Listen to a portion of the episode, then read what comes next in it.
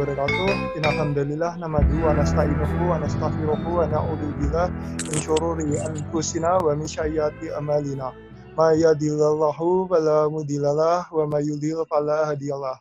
Alhamdulillah, alhamdulillah, alhamdulillah. Selamat sore kawan-kawan. Pada sore hari ini saya diminta untuk sedikit berbagi mengenai peran pemuda, Islam, dan perubahan. Kawan-kawan, kita menyaksikan bahwa sejatinya sejak dulu pemuda itu punya catatan tinta emas baik bagi agama maupun bagi bangsa.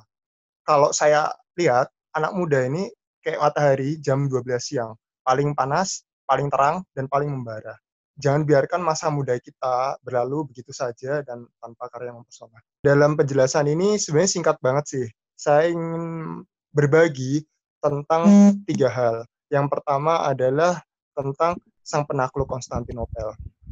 Siapa sih yang penakluk Konstantinopel? Kenapa Konstantinopel dibebaskan?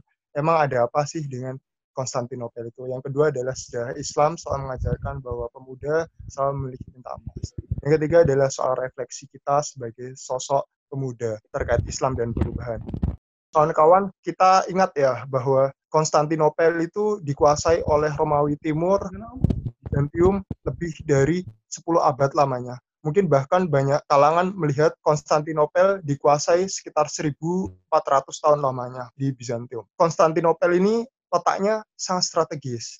Pusat perdagangan, pusat ekonomi, pusat rempah-rempah dunia. Letaknya karena sangat strategis dari sebagai penghubung antara Eropa ke Asia, dari Afrika menuju ke Timur Tengah. Letaknya di tengah-tengah. Bahkan saking istimewanya raja dari kerajaan Perancis Napoleon Bonaparte pernah berkata bahwa jikalau bumi ini adalah satu negara, maka Konstantinopel adalah ibu kotanya. Begitu luar biasanya Konstantinopel. Konstantinopel ini terletak di ujung pulau dan dikelilingi oleh tiga lautan, Laut Bosphorus, Laut Marmara, dan Selat Tandus. Di bawah ada dua hadis dari Rasulullah SAW pernah bersabda, sungguh nantinya kota Konstantinopel akan dibebaskan oleh sebaik-baik pemimpin dan sebaik-baik pasukannya. Hadis lain juga dari Abdullah bin Mas'ud pernah berkata, tatkala kami bersama Rasul untuk menulis, tiba-tiba beliau ditanya, manakah kota yang terlebih dahulu dibuka, apakah Konstantinopel ataukah Romawi? Maka beliau menjawab, yang dibuka terlebih dahulu adalah Heraklius, atau yang kita kenal sebagai Konstantinopel hadis ini, dua hadis ini sangat menggoda para pemimpin-pemimpin Islam kala itu. Tercatat ada puluhan bahkan ratusan pemimpin Islam yang ingin membebaskan Konstantinopel dari Romawi Timur. Tercatat ada Sulaiman bin Abdul Malik, ada Aboib Alam-Sori yang ingin, namun sayang gagal. Di usianya 80 tahun yang ingin membebaskan, namun sayang Aboib Alam-Sori gugur di medan peperangan dan dia dikuburkan di depan garda terdepan prajuritnya. Selain itu ada Harun Arasid juga gagal. Sultan Murad I gagal. Sultan hmm, Murad II hmm. gagal. Ada sebuah anak pemuda yang telah mengazamkan sejak kecil bahwa dia ingin membebaskan kota Konstantinopel. Dan anak itu tidak lain dan tidak bukan adalah Muhammad Al-Fatih. Dia di usianya yang 21 tahun, dia mengumpulkan lebih dari 40 ribu anak untuk dilatih fisik, agama, perang, dan anak-anak muda itu disebut sebagai pasukan Janissaries atau Janissaries untuk membebaskan Konstantinopel yang tingginya temboknya 30 meter dan lebarnya 9 meter. Bahkan dia menciptakan senjata peluru yang bahkan bisa dibilang itu paling canggih waktu zaman itu. Meriam yang beratnya lebih dari 100 ton dan peluru dari meriam itu beratnya sekitar 700 kg. Di usia yang 21 tahun, dia menjadi pemimpin Islam kala itu. Dia menjadi khalifah 6 April 1453 dengan membawa lebih dari 250 ribu pasukannya dengan 40 ribu kapal perang. Di usia di umurnya 21 tahun, setelah melakukan perang, 14 hari perang, tidak ada tanda-tanda kemenangan. Sebagian pasukannya telah gugur. Bahkan ada salah satu pasukannya yang berkata hmm, kepada hmm. Muhammad Al-Fatih, sudahlah kita menyerah saja. Masih ada tahun depan, esok kemudian hari untuk kita menyerang. Tapi apakah Muhammad Al-Fatih menyerah begitu saja? Tidak. Ketika Muhammad Al-Fatih tahu betul bahwa kapal-kapal dari Muhammad Al-Fatih tidak sampai mampu ke Konstantinopel karena laut-laut dari Konstantinopel telah dipagari oleh rantai baja dari Selat Bosporus, Selat Marmara, Laut Selat Tanduk oleh rantai baja sehingga kapal-kapal Muhammad Al-Fatih tidak mampu melewatinya. Apa yang dilakukan Muhammad Al-Fatih agar bisa sampai? Dia memerintahkan 70 kapal perang terbaiknya untuk menyeberang dari Selat Bosporus menuju Selat Tanduk dengan melalui Gunung Galah yang panjangnya 3 mil. Jadi bayangkan kawan-kawan, 70 kapal perang ditarik dengan tenaga manusia menaiki sebuah gunung dalam waktu satu malam. Sehingga dalam sehingga yang dimaksudkan dalam kitab Osuna dalam eh dalam dimaksudkan dalam Osuna dalam kitabnya Osmanitari dia mengatakan kami tidak pernah melihat dan tidak pernah mendengar sesuatu yang sehebat Muhammad Al-Fatih lakukan dia telah mengubah bumi menjadi lautan dan dia telah menyeberangkan kapal-kapalnya di puncak gunung sebagai pengganti gelombang lautan. Dan sungguh apa yang dilakukan oleh Muhammad Al-Fatih jauh melebihi apa yang telah dilakukan Alexander yang agung lakukan. 29 Mei, takbir membahana di kolong langit buatan Allah Subhanahu wa taala. Takbir membahana di langit Konstantinopel. Keesokan harinya, Muhammad Al-Fatih mengumpulkan seluruh pasukannya untuk sholat Jumat. Itu menjadi salah satu sholat Jumat terpanjang dalam hidup Muhammad Al-Fatih, yakni 6 km. Dia memilih pasukan terbaik untuk imam sholat. Dia berdiri kepada dan bertanya kepada seluruh pasukannya.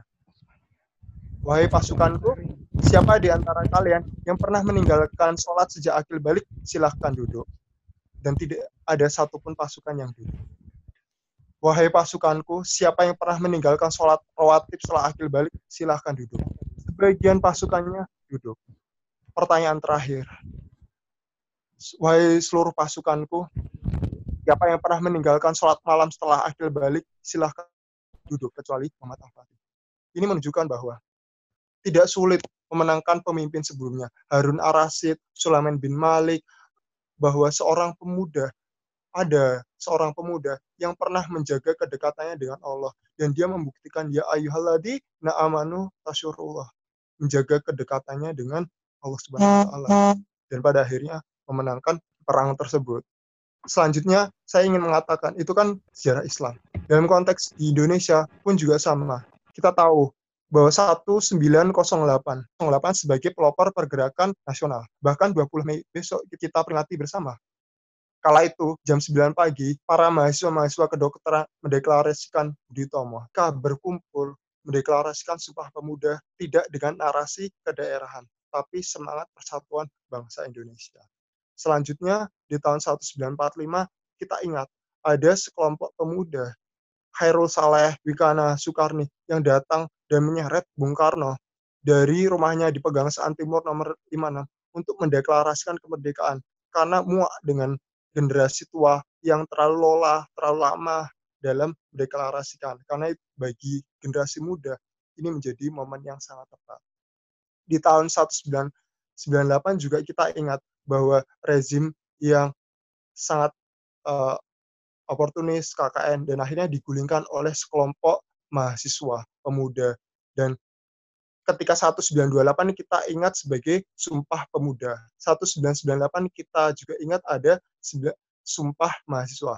Ketika Sumpah Pem, Sumpah Pemuda, tanah air, bangsa dan bahasa hmm, satu hmm. bangsa Indonesia. Ketika Sumpah Mahasiswa kita tahu bertanah air satu, tanah air tanpa keadilan, bertanah, ber, eh, bertanah air satu yang gandrung akan keadilan, eh, bertanah, mohon maaf, bertanah air satu yang tanah air tanpa penindasan, berbangsa satu bangsa yang gandrung akan keadilan, berbahasa satu bahasa tanpa kebohongan.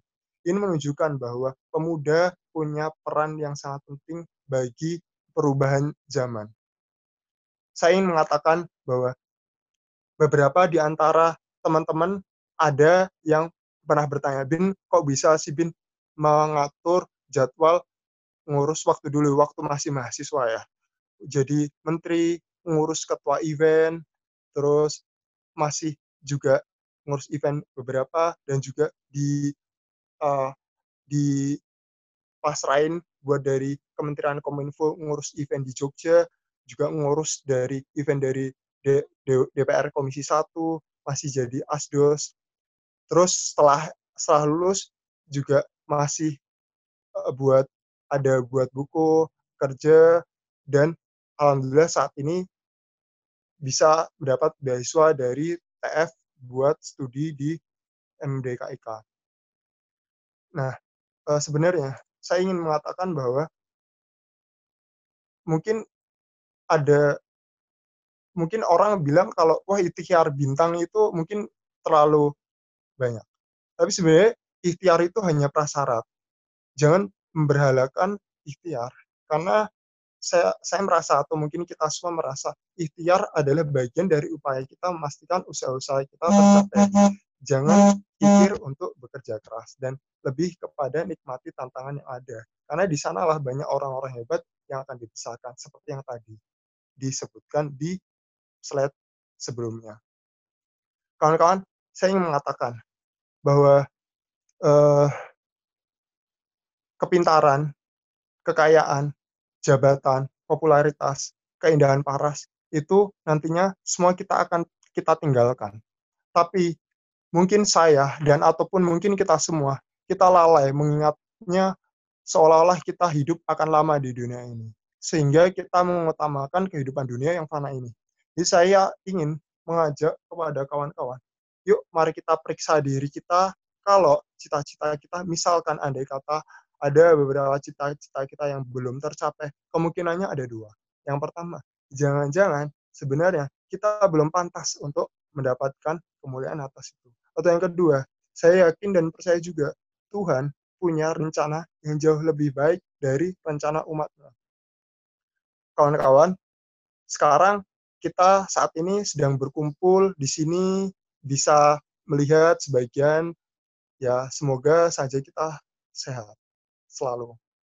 Tapi di dunia yang lain ada miliaran juta orang yang telah terkubur dan sedang memohon kepada Allah. Ya Tuhan, ya Allah, kembalikan aku kepada dunia agar aku dapat memperbaiki amal-amalan soleh yang ada di dunia dan aku tinggalkan yang aku tinggalkan. Dan Allah sekali lagi menjawab sekalipun itu tidak bisa. Jadi poin yang hendak saya sampaikan ya kita memanfaatkan waktu sebaik-baiknya. Selain selain itu uh, saya ingin melihat bahwa sejarah menunjukkan sebenarnya banyak keteladanan-keteladanan yang bisa kita lihat seperti Kiai Hasim Azhari.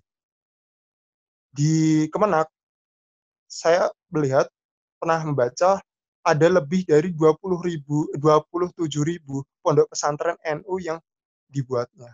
Bahkan ketika kita mengunjungi satu hari untuk mengunjungi satu pondok pesantrennya sampai umur 70 tahun juga nggak akan selesai. 180 tahun yang lalu, 108 tahun yang lalu, Kiai Haji Ahmad Dahlan pernah menawarkan seluruh perabotan rumah tangganya dijual demi menggaji guru-guru di sekolah Muhammadiyah. Dan sekarang kita tahu juga Muhammadiyah punya lebih dari 12.000 sekolah, 180 universitas, dan 100-an lebih rumah sakit. Jadi, uh, poin saya, jadi sebetulnya upaya-upaya kita terakhir dari kata-kata saya, jadi sebenarnya upaya upaya kita hari ini adalah usaha-usaha kita untuk memastikan amal-amal kita melampaui usaha kita. Yakin kalau kita sempurnakan niat, maka Allah akan sempurnakan pertolongannya. Dan kalau akhirat kita tuju, maka dunia akan datang dalam keadaan tunduk. Dan tetaplah menjadi pejalan dalam jalan-jalan kebaikan, karena jalan kebaikan adalah jalan Allah. Dan sungguh bagi mereka yang sedang berjalan dalam jalan kebaikan, sesungguhnya mereka sedang berjalan bersama Allah. Uh, sekian dari diskusi saya, kurang lebihnya mohon maaf. Assalamualaikum warahmatullahi wabarakatuh.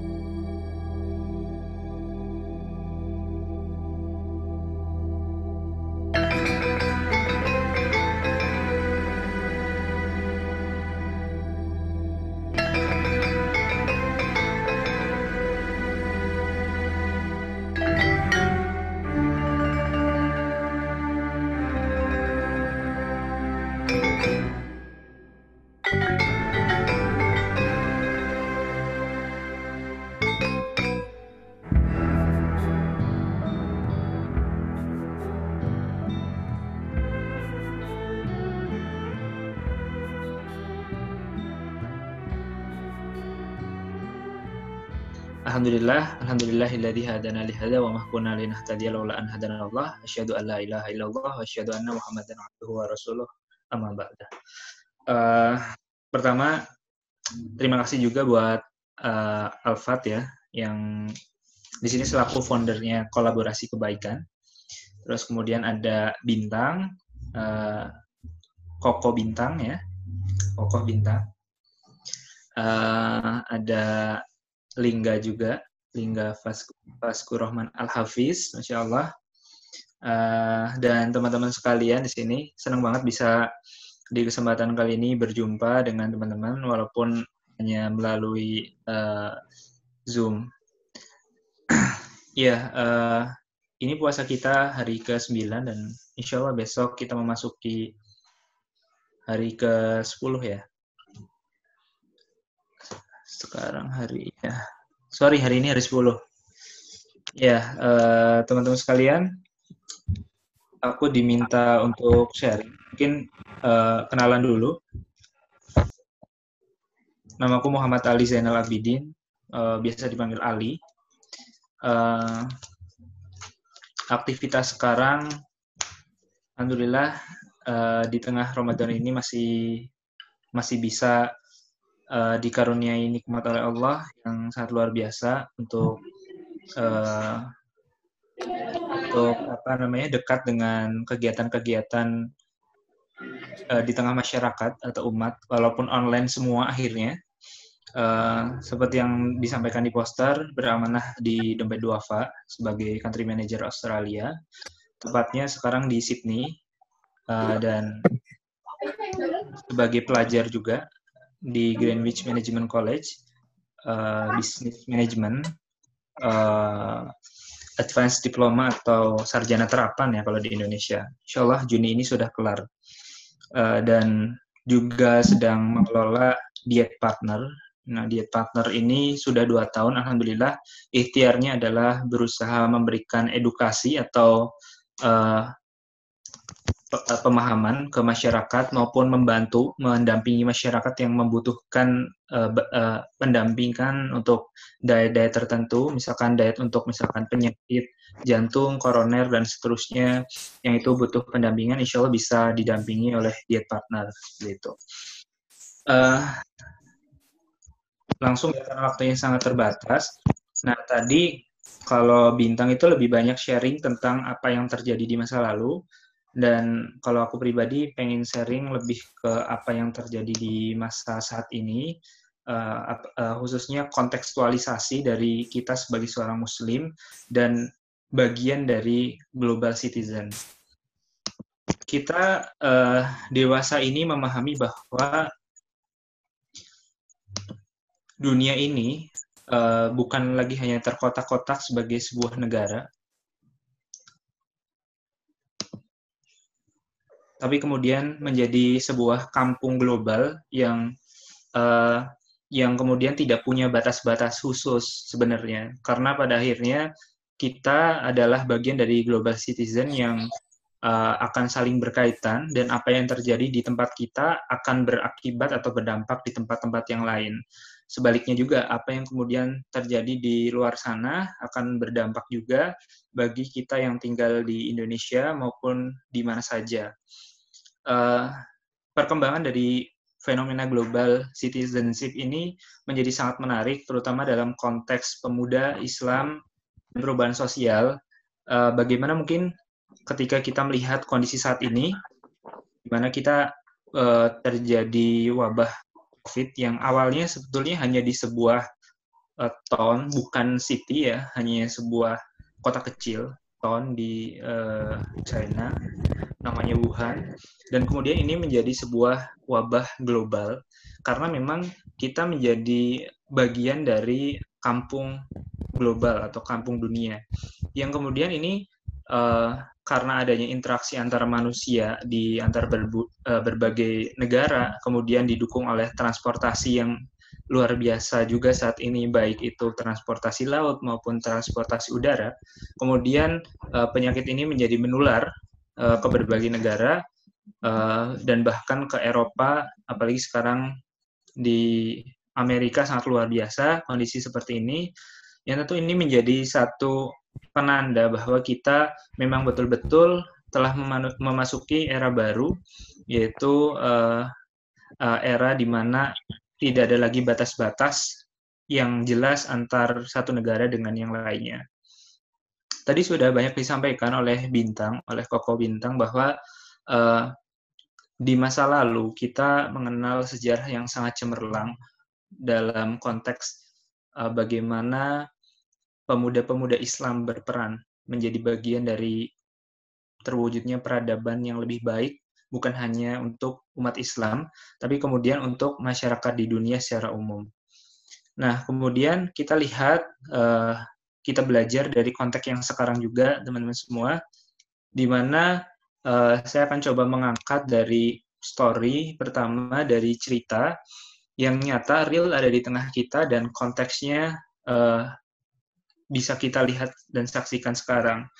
Di mana pertama ada fenomena yang menarik yang terjadi di uh, Inggris bahwa ada uh, bagian-bagian dari Eh, komunitas-komunitas Muslim yang saat ini juga banyak sekali pemuda-pemudanya dan mereka kemudian merasakan uh, merasakan sebuah dilema eh, orang-orang ini antara bagaimana kemudian konflik identitas yang kemudian melekat pada dirinya.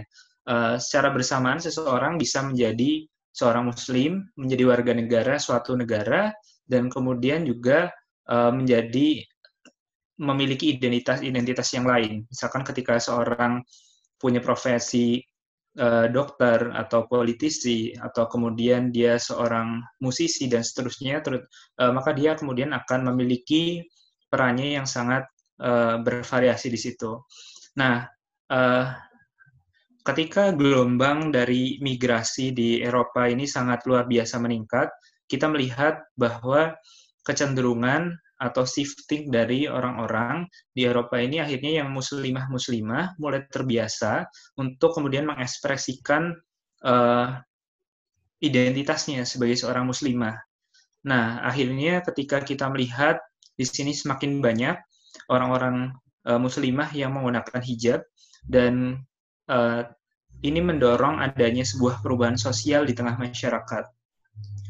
Nah, bahkan uh, di sini kita melihat bahwa ada sebuah tren fashion baru, uh, yaitu uh, modern Muslim fashion, di mana mereka kemudian uh, hijab ini bukan hanya sebagai dilihat sebagai sebuah kewajiban, tapi ini bagian dari lifestyle mereka, ini bagian dari behavior mereka, dan ini pada akhirnya sebagaimana yang lazim terjadi di masyarakat kita saat ini, ketika ini menjadi sebuah kebutuhan, maka akan ketika ada demand, kemudian di sana akan memunculkan market-market uh, dan industri juga. Nah, kemudian kita melihat bahwa fenomena-fenomena seperti ini memunculkan uh, gelombang yang lebih besar lagi, teman-teman, uh, bahwa di sini uh, ketika setiap hari mereka mengalami sebuah konflik di di dalam diri mereka uh, di mana pun ya khususnya di negara-negara minoritas Muslim maka kemudian di sana uh, ketika mereka sudah merasa identitasnya cukup kuat sebagai warga negara negara tertentu dalam hal ini negara Inggris uh, maka kemudian dia di satu titik akan memilih untuk uh, menampakkan identitas dia yang lain juga. Karena ketika memasuki generasi ketiga, generasi keempat, mereka akan lebih merasa bahwa mereka sudah menjadi bagian atau integrasi dari masyarakat uh, negara tersebut. Nah, uh, seperti yang kita ketahui bahwa di banyak negara, terutama di Australia, di Inggris, di Amerika, eh, orang-orang Muslim yang datang ke sana mayoritas adalah orang-orang yang uh, imigran. Nah, di sana biasanya ketika uh, di generasi-generasi pertama, mereka masih menyesuaikan diri. Tapi ketika sudah memasuki generasi ketiga, generasi keempat, mereka sudah merasa bahwa mereka adalah bagian dari komunitas yang terintegrasi, sehingga mereka berani menampakkan diri uh, identitas identitas mereka yang lain. Misalkan mereka sebagai seorang muslim. Nah, dalam jangka panjang ketika sudah mem memasuki generasi-generasi seterusnya, uh, akhirnya yang terjadi bukan hanya kita melihat banyak orang yang menggunakan hijab atau jilbab. Nah, tapi uh, kenapa kemudian sekarang muncul isu-isu imigrasi di dunia? Uh, karena ini menjadi sebuah perhatian, ini mendapatkan sebuah perhatian bagi non-Muslim uh, di negara-negara tersebut, bahwa kemudian uh, imigrasi, uh, terus kemudian multikulturalisme, dan kemudian relation uh, antara Islam dan kultur Barat ini menjadi satu isu-isu yang menarik dan uh, menimbulkan perhatian. Dan bahkan kalau kita melihat uh, bukan hanya itu, isu demografi menjadi salah satu isu yang menarik juga untuk dibahas karena kemudian ternyata jumlah muslim di beberapa kota di uh, di Eropa, terutama di Inggris dan di Amerika atau bahkan di Australia terus mengalami peningkatan yang signifikan karena memiliki uh, fertility rate yang kemudian uh, tinggi uh, birth rate yang kemudian tinggi juga, yang menjadikan pada akhirnya jumlahnya banyak dan menjadi komposisi yang signifikan di berbagai negara-negara minoritas seperti itu. Kalau itu di negara-negara minoritas, teman-teman.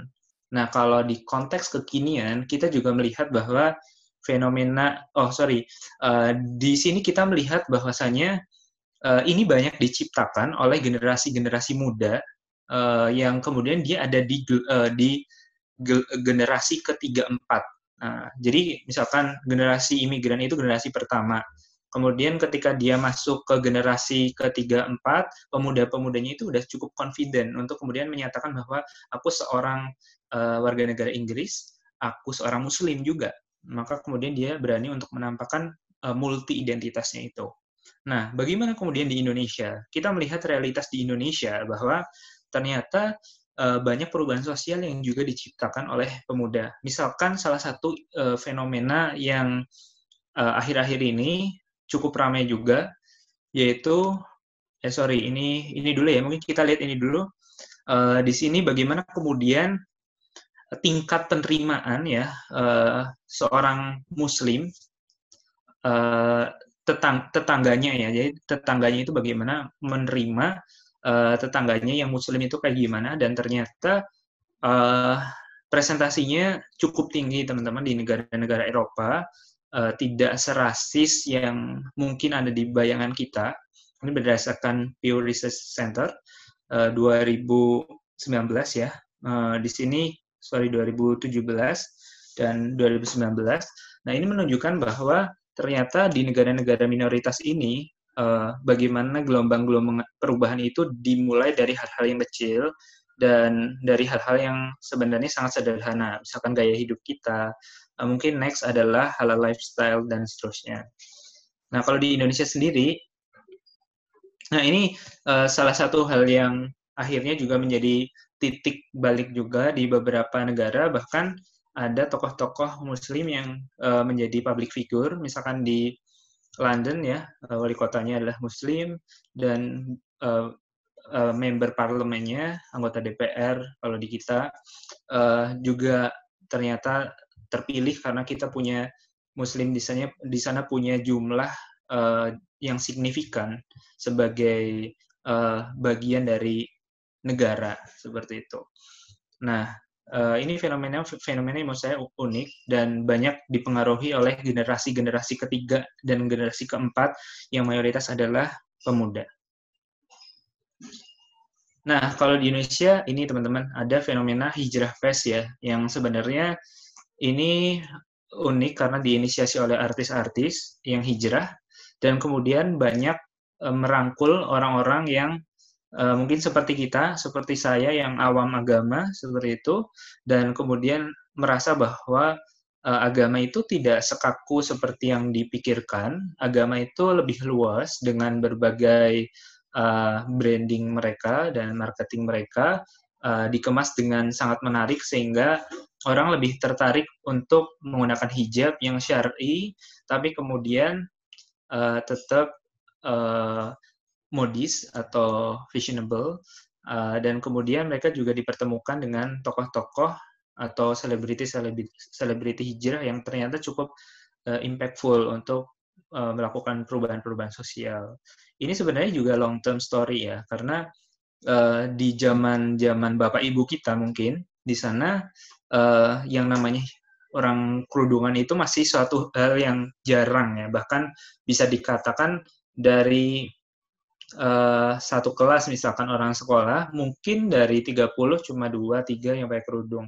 Tapi sekarang berbalik mungkin ketika kita di kampus dari 30 mungkin yang yang perempuan uh, 28 atau 25 yang menggunakan kerudung seperti itu. Ini adalah satu peran kita seorang pemuda yang kemudian melakukan hal kecil sebenarnya dalam hidup kita tapi kemudian secara kolektif um, mewujudkan satu perubahan yang cukup drastis di masyarakat ini ya kemudian bagaimana uh, hijrah fest ya luar biasa merangkul kalangan muda dan uh, menimbulkan suatu behavior yang baru di kalangan anak-anak muda juga dan ini aku pikir ada banyak event juga yang serupa yang diinisiasi oleh pemuda uh, bermanfaat untuk masyarakat dan juga uh, menggait pemuda-pemuda lain untuk ikut ambil bagian.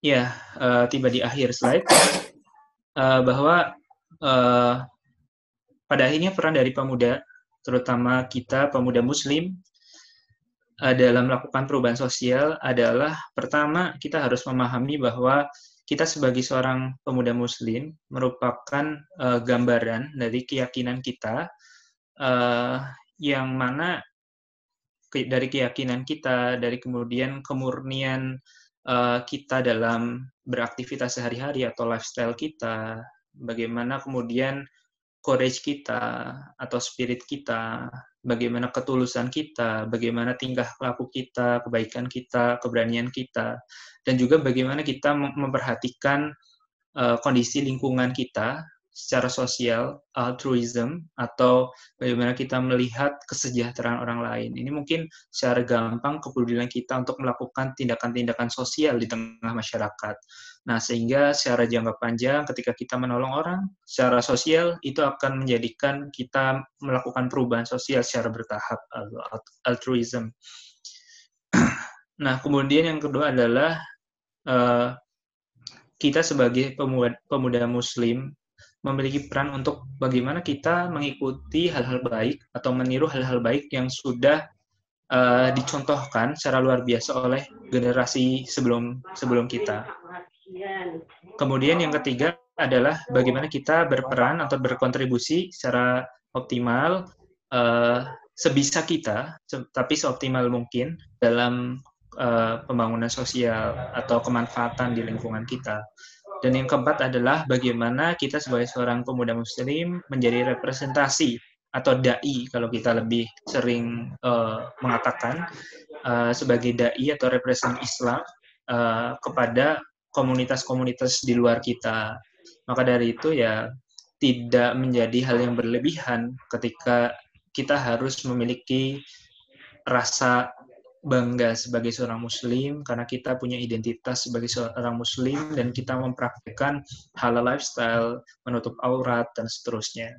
Mungkin itu bagaimana kemudian eh, hal-hal besar atau perubahan sosial yang besar di masyarakat sebetulnya bisa dimulai dari hal-hal yang kecil dan sederhana dan kesederhanaan itu bisa dimulai juga dengan bagaimana kita menjadi orang yang bangga dengan keislaman kita dan menerapkan uh, behavior kita sebagai seorang muslim dengan baik. Itu mungkin uh, yang bisa aku sampaikan sedikit, semoga bermanfaat. Mungkin next kita bisa diskusi. Uh, terima kasih. Assalamualaikum warahmatullahi wabarakatuh.